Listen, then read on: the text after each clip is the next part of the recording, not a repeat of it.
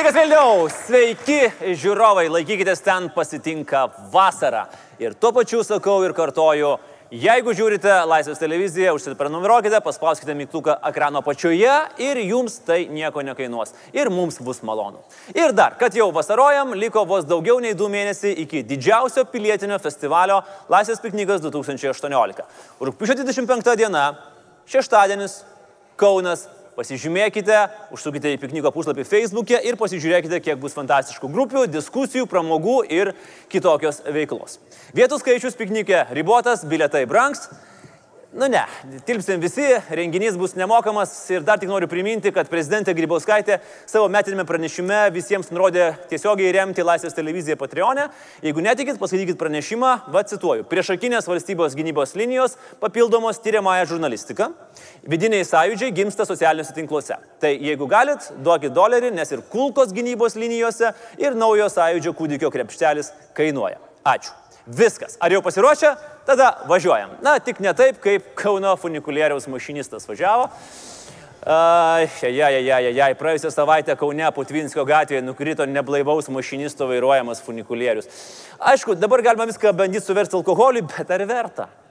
Primenu, kad Putvinskio gatvė yra Kauno Žaliakalnio rajone. Ką Žaliakalnio gyventojai išsirinko savo atstovų Seime?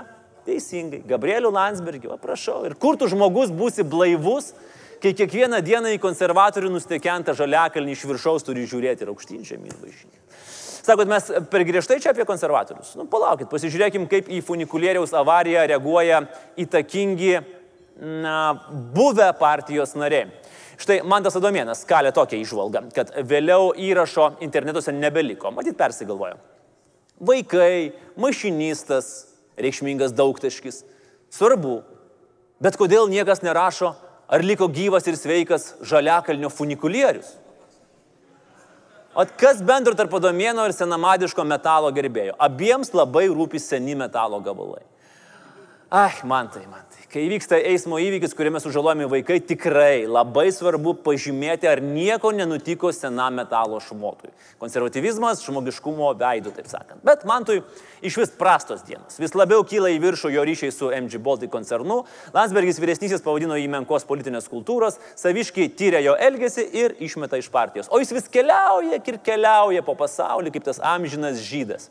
Per nepilną mėnesį Seimo narys jau pabuvojo Londone, Kijeve, Tailandė, labai svarbus Seimo sesijos metu apsilankyti Tailandė, Helsinkije, kur kartu su kita MG Baltic šestiorkė teisiamu Ginteru Stepunavičiumi domėjosi švietimo reikalais. Vienoje ir galiausiai įstrigo Berlyne, keikdamas Air Baltica ir dėdamas hashtagus Air Baltic sucks ir rašydamas capslokais. Kaip pasakytų Darius Mockus, va tokia lažuha nutiko Seimo nariui. O frazė ar ten yra iš viskas nors, kuo galim pasitikėti, nuostabiai tinka bet kuriam gyvenimo atveju. Na, mantui be partijos linkime gerų kelionių ir tolimesnio pažinimo džiaugsmo ir pristatom naują destinaciją. Lietuva ką tik užmėsgė diplomatinius santykius su 185-ąją pasaulio valstybė Tuvalu. Valstybė, už kurią gyventojų skaičiumi pasaulyje mažesnis yra tik Vatikanas. Ir valstybė, kurios vienas didžiausių pajamų šaltinių 10 procentų nuo BVP yra interneto puslapio adresų su galūnė.tv pardavimas. Norime pasidžiaugti, kad Laisvės TV ryšių su Tuvalu užmėsgė daug anksčiau, kadangi mūsų puslapis yra laisvės.tv, tai mes pirmieji. Nors Tuvalu yra mažiausiai turistų lankoma valstybė pasaulyje, aš nebejoju, kad Mantas Adomėnas ir kiti Seimo nariai ras argumentų įkurti tarp parlamentinę grupę ir nuvykti ten pasikeisti patirtimi apie rimtus darbus, švietimo politiką ir funikulierių išsaugojimą. Praėjusią savaitę Rygoje vyko LGBT eitynės. Lietuvos gėjų lygos vadovas Vladimiras Simonko po renginio pažadėjo, kad eitynės Lietuvoje kitą metą bus įdomesnės. Aš nežinau, ar Vladimirai, ar Lietuvai dar nepakako įdomių LGBT eitynių. Turbūt tektų palinkėti, kad LGBT eitynės Lietuvoje kiekvienas iki būtų vis mažiau ir mažiau ir mažiau įdomias. Primenu, kad pačios įdomiausios eitynės Lietuvoje buvo pačios pirmos prieš aštuonerius metus. Kas nešokinės, kas nešokinės, kas nešokinės, tas vynoras. Dėl ko jie taip dainuoja? Dėl to, kad neturite savo pozicijos. Pusė yra paminta. Prašoma laikytis viešosios tvarkos, nekurstyti nesantaikos. Aš ką? Aš Aš atėjau savo šeimos savo. Savo ateities. O jums, kur jūsų šeima? Kur jūsų ateitis? Aštuoneri metai, o atrodo, kad visas amžius. Ta pati šalis, tie patys žmonės, bet su kiekvienomis eitynėmis jos tampa vis mažiau ir mažiau įdomios. Įdomios buvo ir rusų kultūros dienos Vilniuje. Meras Šimašius atsiuntė marškinėliai su Putinu dalyviams gerumo ir atjautos kupiną laišką, o Rusijos ambasadorius Udalcovas išsišaipė ir iš jo, ir iš lietuviško futbolo. Dėl futbolo tai FSB kažkur net ten varnelę užsidėjo akivaizdžiai, nes mėginti įžeisti lietuvį niekinant lietuvišką futbolą yra tas pats, kas informuoti lygių, kad bankas atsisako jam suteikti paskolą. Ir net nesiūlo ženytis už banko vadybininkės, kaip buvo skvernelio atveju. Praėjusią savaitę Lietuvos abiturientai laikė valstybinį matematikos egzaminą. Jau susidėję daiktus į lagaminus iš anksto, nes iš karto pasipylė skundai ir pažadai emigruoti. Bet įdomesni buvo bandymai pateikti užduotis žaismingiau, įvedant populiariosios kultūros ir aktualių. Na pavyzdžiui, Mažylis vienas tortą suvalgo per 30 minučių, o kartu su Kalsonu per 5 minutės. Per kiek minučių Kalsonas vienas suvalgo tortą? Koks Kalsonas? Koks mažylis 21 amžiui? Dabar pas mus mažylį ne tortus valgo, o daiktų ieško. Gerai, einam toliau. Dvi sesutės, Irutė ir Birutė, kurį laiką gaudė Pokemonus. Irutė kasdien sugaudavo po X Pokemonų, o Birutė trimis Pokemonais daugiau. Irutė Pokemonus gaudė vieną dieną ilgiau negu Birutė. Birutė iš viso sugavo 484 Pokemonų, o Irutė 437 Pokemonų. Apskaičiuokite X reikšmę. Aš jau pasimečiau kažkur per vidurį. Kokie Pokemonai 2018 metais? Čia, čia toks 2016. Aišku, jūs sakot, lengva kritikuoti. Padarykit geresnės užduotis. Sako, prašau, sunku nebus. Vat kaip būtų atrodžiusios užduotis iš gyvenimo, jeigu prie jų rengimo būtų prileidę laisvės TV. Pirma. Saulis žiūrėdamas krepšinį išgeria du bokalų salaus. Ramūnas ne vieno. Klausimas, kiek vidutiniškai naujų alkoholio draudimų per krepšinio rungtynę sugalvoja Ramūnas?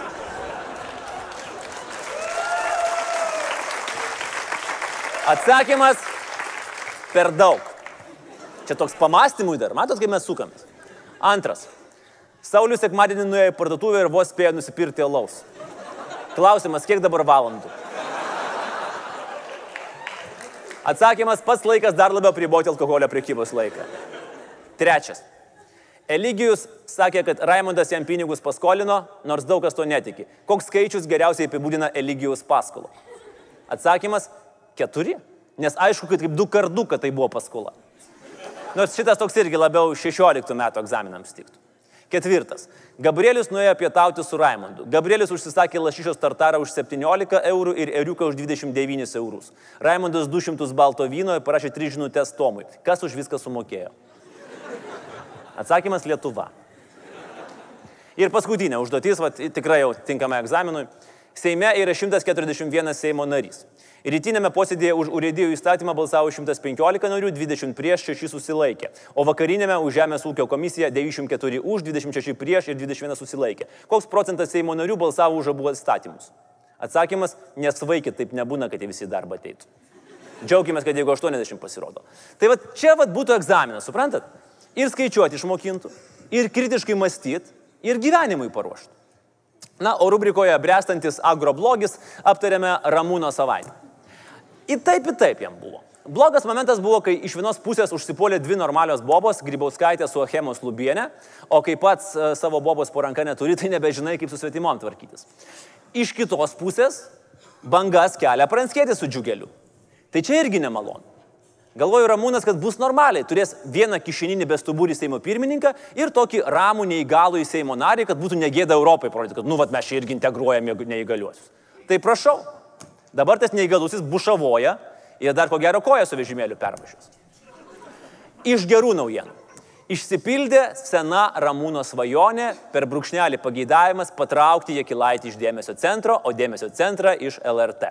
Dėkodama už darbą LRT generalinė Monika sakė, kad Edmundas yra nuostabus ir talentingas, bet tokios laidos LRT turi būti kūrimos vidaus resursais ir vietoje vieno Songoko dabar bus penki Pokemonai nu, apie Pokemonus aš gal pats truputį prikūriau, bet kitas žingsnis būtų išgirsti, kaip Jasikevičius sako, kad Pangosas, Deivisas ir Vaitas yra nuostabus ir talentingi, bet per LKL finalus Žalgiris versis su vidaus resursais, su Sajami, kancleriu ir Jogėlai Žalgirio 2. Na, Ramūnas turi progą atsikimšti ir pasižiūrėti šampaną, o mes pasakyti in memoriam Tele Edmundo. Edmundai, kad vieno Edmundai, bet ten net nežino, kad jis... Edmundai, ko Edmundai, jūs Edmundai. Standartiniai- bet Edmundai, bet Gal- Edmundai, gal jūs galite- ačiū. ir visa- Edmundai, jūs kartojatės, Edmundai, jūs kartojatės, Edmundai, jūs kartojatės.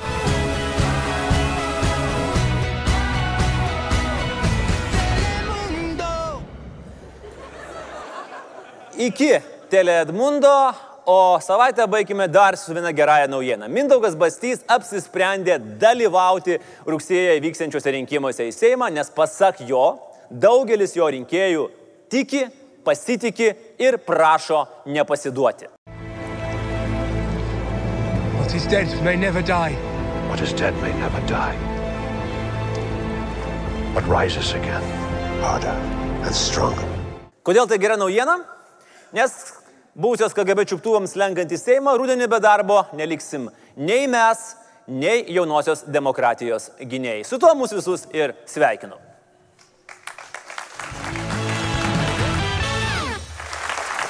Iš to, ką aš laikau rankose, turbūt jau supratote, apie ką mes šiandien kalbėsime. Taip, teisingai, apie sunkų Bangladešo vaikų gyvenimą tekstilės fabrikuose ir siuvyklose siuvant marškinėlius. Ne, aišku, ne. Kam gali rūpėti Bangladešo vaikai, kai vyksta pasaulio futbolo čempionatas. Net Bangladešo vaikai nekreipia į save dėmesio, o eina žiūrėti fulės. Fulę žiūri visi, seni ir jauni visame pasaulyje. Na, gal išskyrus Pakistano vaikus, kurie tuo metu siuva futbolo kamuolius. Kas dar gali nežiūrėti futbolo?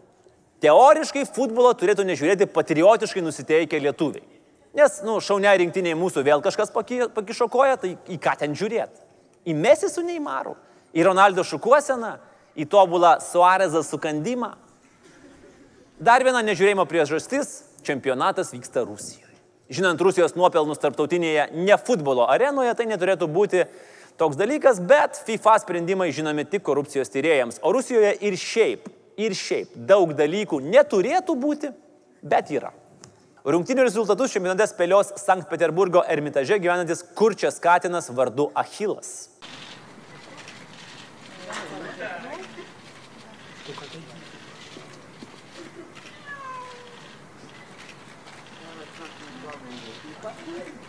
Kodėl būtent jis? Manoma, kad Katinui šios atsakingos pareigos buvo patikėtos po to, kai jis absoliučiai teisingai nuspėjo, kas laimės Rusijos prezidento rinkimus. Tokia super aiškiai regystė buvo akivaizdus įrodymas, kad ir e, futbolo čempionate jam pasiseks ir taip pat dabartinė Rusija rinkimų skaidrumu negali apkvailinti net ir kurčio Katino. Ir jeigu vis dėlto nuspręstumėte nubausti Rusiją ir nežiūrėti čempionato, nepamirškite apie savo sprendimą būtinai informuoti socialiniuose tinkluose, nes kitaip nesiskaitys ir gero jums mėnesio slapta klausantis garsų iš kaimynų būto.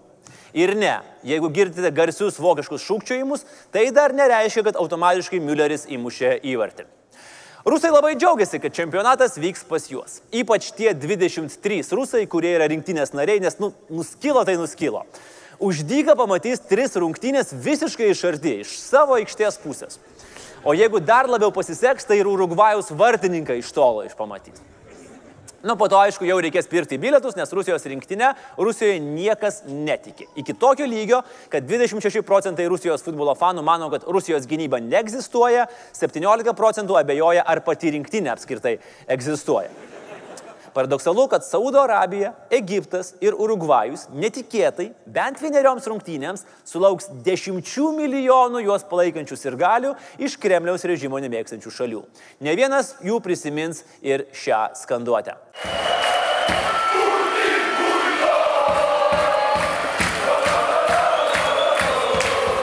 Net pats Vladimiras Putinas netiki savo rinktinę ir čempionato favoritais įvardino Ispaniją. Čempionato organizatoriai ir sporto funkcionieriai dabar per galvas veržiasi, kaip čia padaryti, kad Ispanija tikrai laimėtų, nes nu, negali Putinas klysti. O rinktinė, Ispanijos rinktinė labai nervingai kramto lūpas ir murma tarpusavėje į kienos pasasino. Tai ką jis su mumis padarys, jeigu mes nelaimėsim? O jeigu norite rimtos analitinės prognozės, tai čempionais taps Anglija. Aišku, kad Anglija. Kodėl? E, e, neseniai metas. Nors ką aš bandau apgauti. Perspektyvi rinktinė, naujas treneris, lengva grupė, daug talento. Receptas tam, kad Anglija neišeis iš, neišeis iš Aš negaliu ištarti šitos erezijos. Anglija bus čempionai ir viskas. Čia jokių klausimų net nekyla. We still believe. Football's coming home. Bet rusai turi patikrintų būdų sėkmiai pasiekti. Rungtynėse su Saudo Arabija, aikštėje, kaip jau išbandyta Sirijoje, galėtų pasirodyti trys žaidėjai su nuosavu kamoliu. Antrajame kelinėje su Urugvajumi būtų įvesta privalomo referendumo taisyklė, kurio metu 99 procentai žaidėjų nuspręstų mušti į tuos pačius vartus, o su Egiptu pergalės būtų siekiama ištuštinant all-inclusive stadiono barą ir kovoje drybsant oponentų zonoje. Pagal geriausias Rusijos tradicijas dar pirmo kelnio viduryje ateitų kokie papildomi penki žaidėjai priešo baudos aikštelėje ir tiesiog pradėtų žaisti už Rusiją. Bet jie tikrai ne rusai. Nors ir su rusiškom pavardėm. Nes marškinėlius galima bet kurioje parduotuvėje nusipirkti. O tada jau patys išsiaiškinkit, ką mes kalti, kad jie už Rusiją žaidžia. Ir iš viso, kairys aikštės kampas nuo šiol atsiskiria nuo stadiono ir pasiskelbia Novo stadiono liaudės arena. Ir papūskite jūs mums į uodegą. Bet pradėkime nuo pradžių. Kaip Rusija tapo pasaulio futbolo čempionato šeimininkė Pirmas atsakymas - davė kišius. Daug kišių, labai daug kišių, beveik tiek daug, kiek Kataras davė kišių, kaip ir viskas, daugiau atsakymų ir nėra. Tuo Rusija apkaltino ir buvęs Didžiosios Britanijos premjeras Davidas Cameronas. Bet čia reikia pastebėti, kad ir Britai varžėsi dėl teisės organizuoti čempionatą ir pralaimėjo. Tai rusai tik iš to pasijaukė, primindami anglams patarlę apie tai, kad po mūšio kumščiais nemojuojama. Ir čia taip pat pakvietė pamojuoti rusus ir galės merginos, pasak spaudos, jau treniruojasi mušti anglų fanus. O Cameronas yra labai panašus į Kamerūną. Abiejų šiame pasaulio čempionate mes dėja nepamatysim. Beje, Rusijos ir galiai irgi oficialiai pažadėjo, kad nuo birželio 14 iki Liepos 15 muš homoseksualus. O ypač skaudžiai muš homoseksualus kalbančius angliškai. Bet šitos muš greičiausiai tik iki grupių varžybų pabaigos. Na, aišku, keistas pareiškimas su tais mėnesiais, nes seksualiniams mažumoms per kuprą ten kliūna nepriklausomai nuo metų laiko, o labiau priklausomai nuo nuotaikos. Bet grįžkime prie kyšių, kuriuos rusai neva davė FIFA vadovams. Oficialiai tai aišku neigiama, bet kad kyšių nebuvo, netiki net patys rusai. Net tie, kurie teigia, kad nedavė, netiki, kad tikrai nedavė. FIFA pati netiki, kad rusai nieko nedavė. Vienas rusų žurnalistas net knygą parašė apie tai, kad Rusija nenusipirko teisės rengti čempionatą. Tiesiog FIFA vadovus ir funkcionierius papirko dėmesiu, pagarbą ir degtinę. Tiesiog užteko suorganizuoti tuo mečio FIFA prezidento susitikimą su Vladimiru Putinu ir FIFA iš karto apsisprendė. Dar vienas įrodymas, kad Putinas moka hipnotizuoti. Na, pažiūrėsim, gal jis ir ateitį mato. Ar Ispanija laimės ar ne. Prisiminkime, kad tuo mečio FIFA prezidento pavardė buvo Blateris. Na, kaipgi, šalis, kurioje dešimtmečius tu galėjai išgyventi tik tada, jeigu turėjai Blatą, galėjo nesusitarti su Blateriu.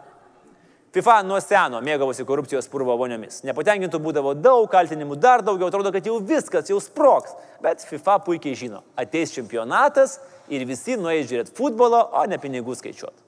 Panašiai nutiko ir šį kartą. Blateris jau nebe FIFA vadovas, kai kurios šalis dar ragino atimti iš Rusijos teisę rengti čempionatą, bet kamuolys jau Rusijos aikštelės pusėje, o Lietuvos baruose verda ginčiai, kurį mūsų planetos kampelį, išskyrus Lietuvą, labiausiai reikia palaikyti per artimiausias 90 minučių ir kiek pridės teisėjas.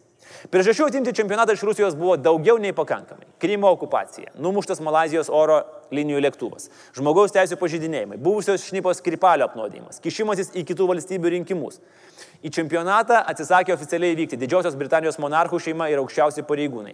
Borisui Johnsonui čempionatas primena 36 metų olimpinės žaidynės Nacijo Vokietijoje. Nevažiuos Lenkijos prezidentas, Ukrainos, Australijos, Danijos, Islandijos valdininkai, atsisakė ir Junktinių Amerikos valstybių pareigūnai, nu, tie tai su džiaugsmu atsisakė, nes amerikiečių žiūrėti sokerį yra kankinių kankinė. Čempionatą boikotuos ir Lietuvos futbolo rinktinė. Vokietija neatšaukė savo oficialių kelionių čempionatą, bet neoficialiai įspėjo savo valdininkus, kad rusai ten juos seks, stebės ir gal net verbuos. Nu, žodžiu, Šrioderis. Bet, kaip sakoma, nemaišykim sporto su politika. Tam pritarė ir FIFA. Sportą reikia maišyti su pinigais. Tam irgi pritarė FIFA. Niekas nepasikeitė nuo Romos imperijos laikų, kai imperatorius Vespasianas apmokestinės tualetus ištarė savo garsėją frazę pekunija non olet. Pinigai nesmirda. Jie nesmirda vienam didžiųjų futbolo genijų, Jose Mourinho, kuris čempionato metu taps propagandinio TV kanalo Russia Today ekspertu. O sarkastiškasis Robbie Williamsas atidarys pasaulio čempionatą įspūdingų šou Maskvoje.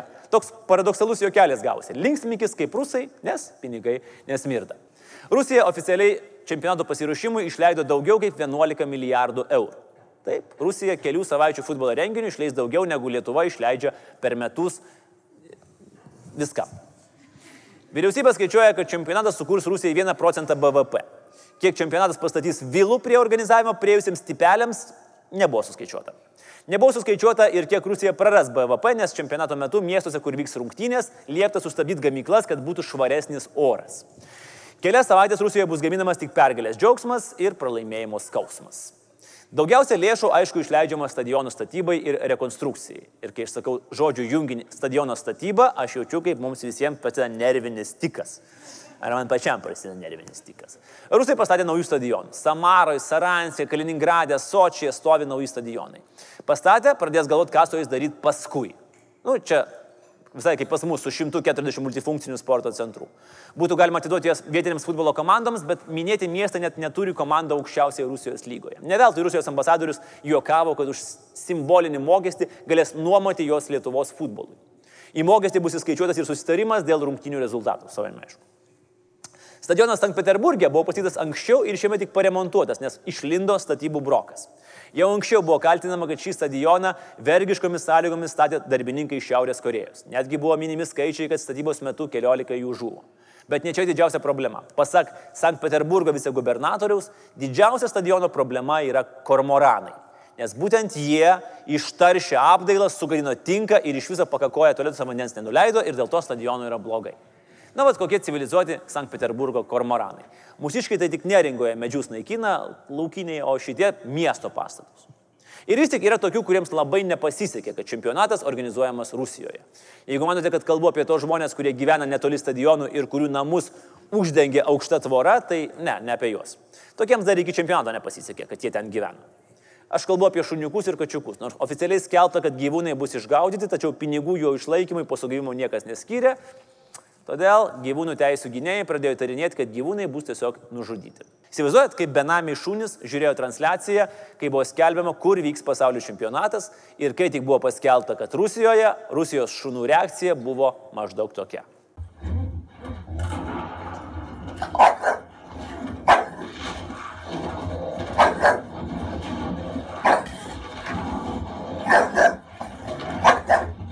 Ironiška tai, kad čempionato simbolis yra šuninių šeimos atstovas Vilkas Zabivak.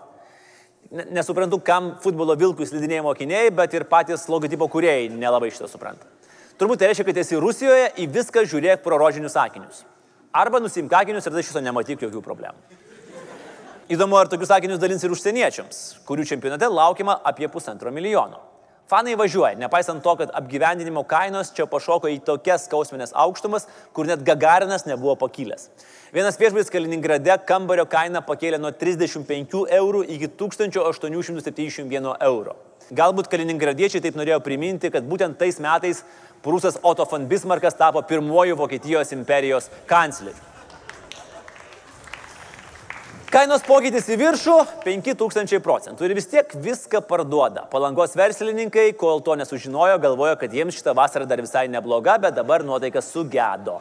Bloga ir ta vasara, kaip ir visos kitos. Ir gal net bus dar blogesnė. O Klaipėda kažkokiu būdu pramiegojo tos visus turistus. Beje, į Lietuvą tranzitu į Kaliningradą keliaus apie 16 tūkstančių futbolo įstruolių. Ir Lietuvos pasieniečiai tam labai ruošiasi, netgi treniruojasi, kas bus, jeigu sirgaliai pradės kelti neramumus traukinyje. Mat buvo tokių žinių, kad rusai neinformuoja Nigerijos ir Marokos sirgalių, kad tranzitui per Lietuvą reikia Schengeno vizos.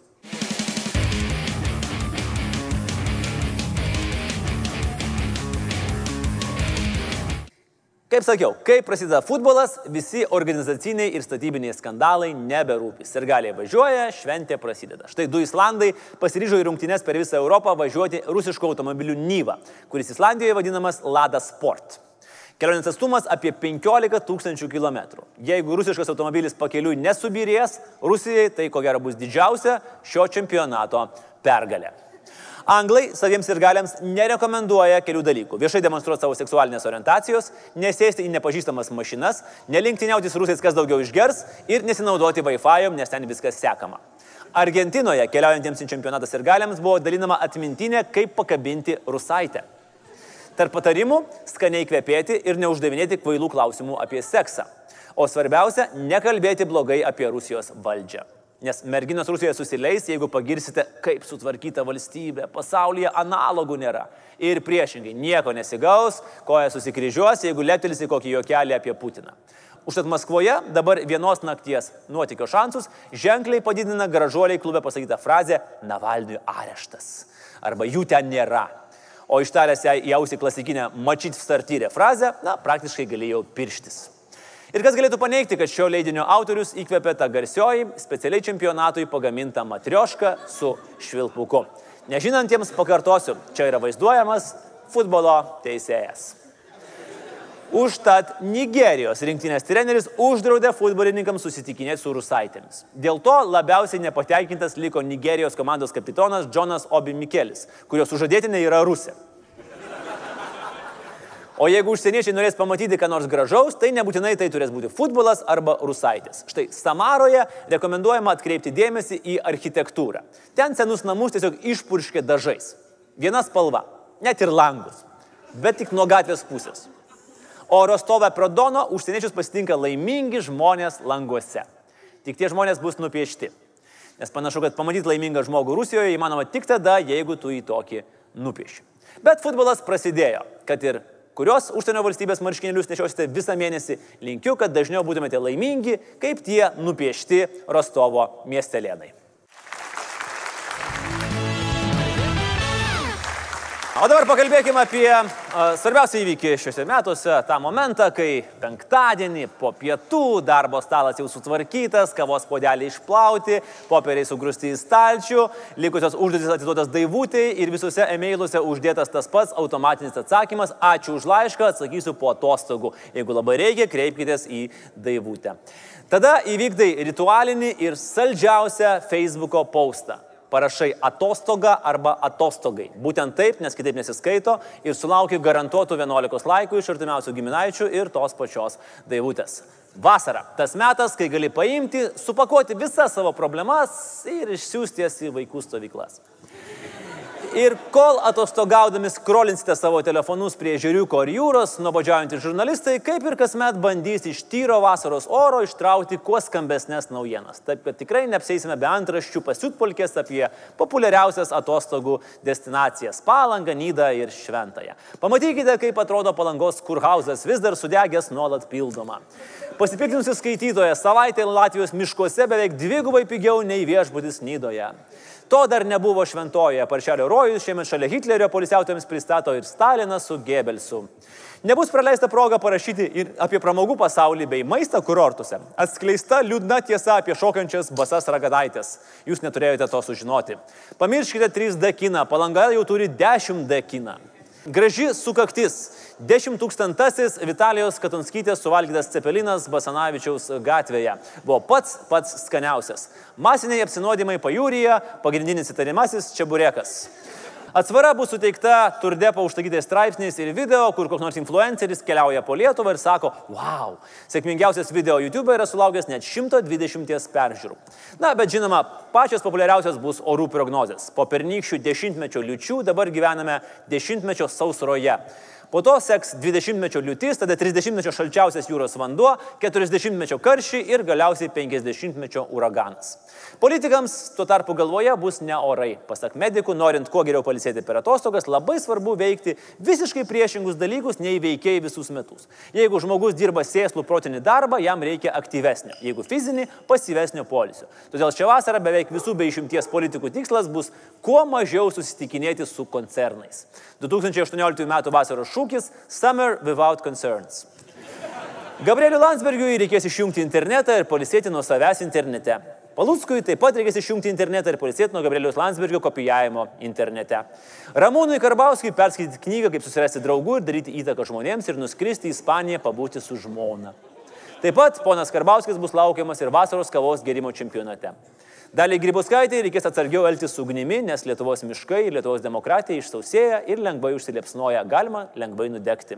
Baronius Bradauskas vasarą turėtų palisėti nuo šaudimo su naktinio matymo optika ir dieną apsilankyti zoologijos sode. Patys nepastebėsite, kaip spaudoje atsiras nuotrauka, kai Bronius pradėjo globoti jaunus šerniukus, kažkodėl likusius be mamos. Trims liberalams ir gapšių vitukui vertėtų pasitreniruoti taisyklingai vaikščioti. Keturi žingsniai, stapt, į šoną, keturi žingsniai, stapt, vėl į šoną, nes žinai, kad į kameros sieną neatsitrenktų.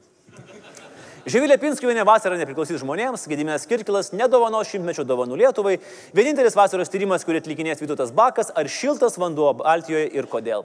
O Širinskinė su Veryga jau turi nusipirkę puikią pažintinę kelionę į Amsterdamą.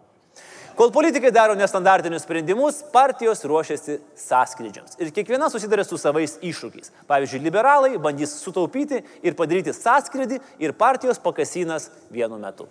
Taigi nepraleiskime progos, pasinaudokime šitomis akimirkomis ir sustokime, pakalbėkime, pasėdėkime prie laužo, atsipūskime prieš didžiosius darbus, kurie mūsų laukia jau šį rudenį.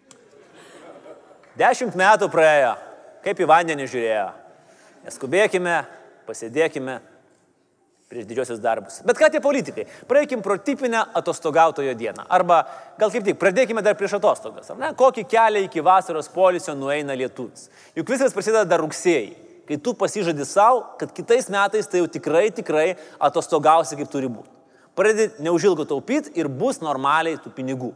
Nereikės iki kelių įsibridus į lysvės, dvi savaitės ravėti ir po to grįžus į darbą meluot, kad taip norėjai, nes jau tik glaudesnį ryšį su žeme.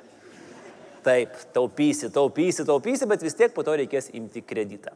Fast forward į kalėdų vakarėlį su šeima. Visi sėdi prie stalo, fone eina popiežiaus urbė torbi, kiek padauginus kalėdinio vinelio pradedi girtis, kad šiemet planuoja važiuoti šiltus kraštus. Valiukiškai mirksi vis dėdamasis papildomom mišrainė su krabų lasdelėm netikrom.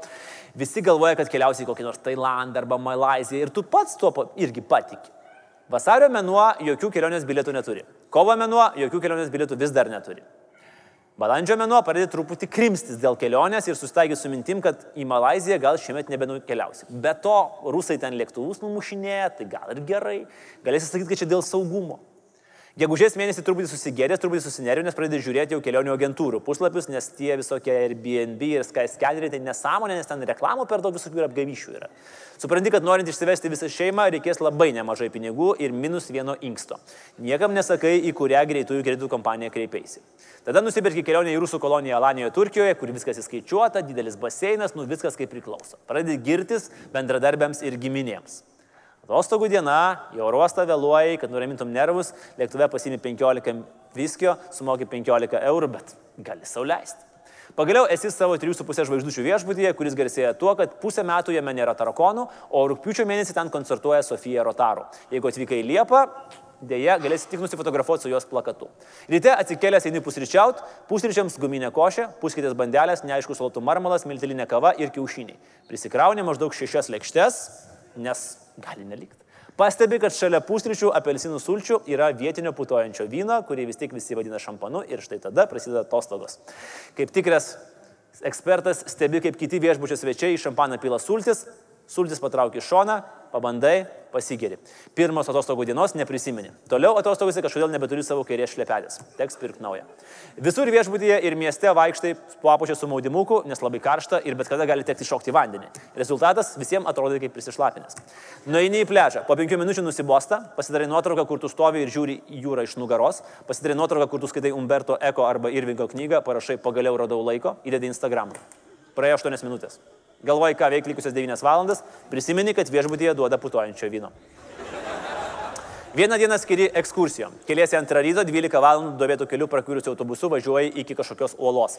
Tada važiuoji 12 valandų atgal. Pakelės kavinėje ir sustojimuose neperki valgyti, nes vakar per pusryčius prisikrovai pilną tašytę puskiečių bandelių ir kavos iš miltelių. Viskas gerai. Atvyksti prie uolos, apeinyje, pajuti, kad kultūra užplūdo, prisimeni, kad viešbutyje duoda putojančio vyno. Lauki.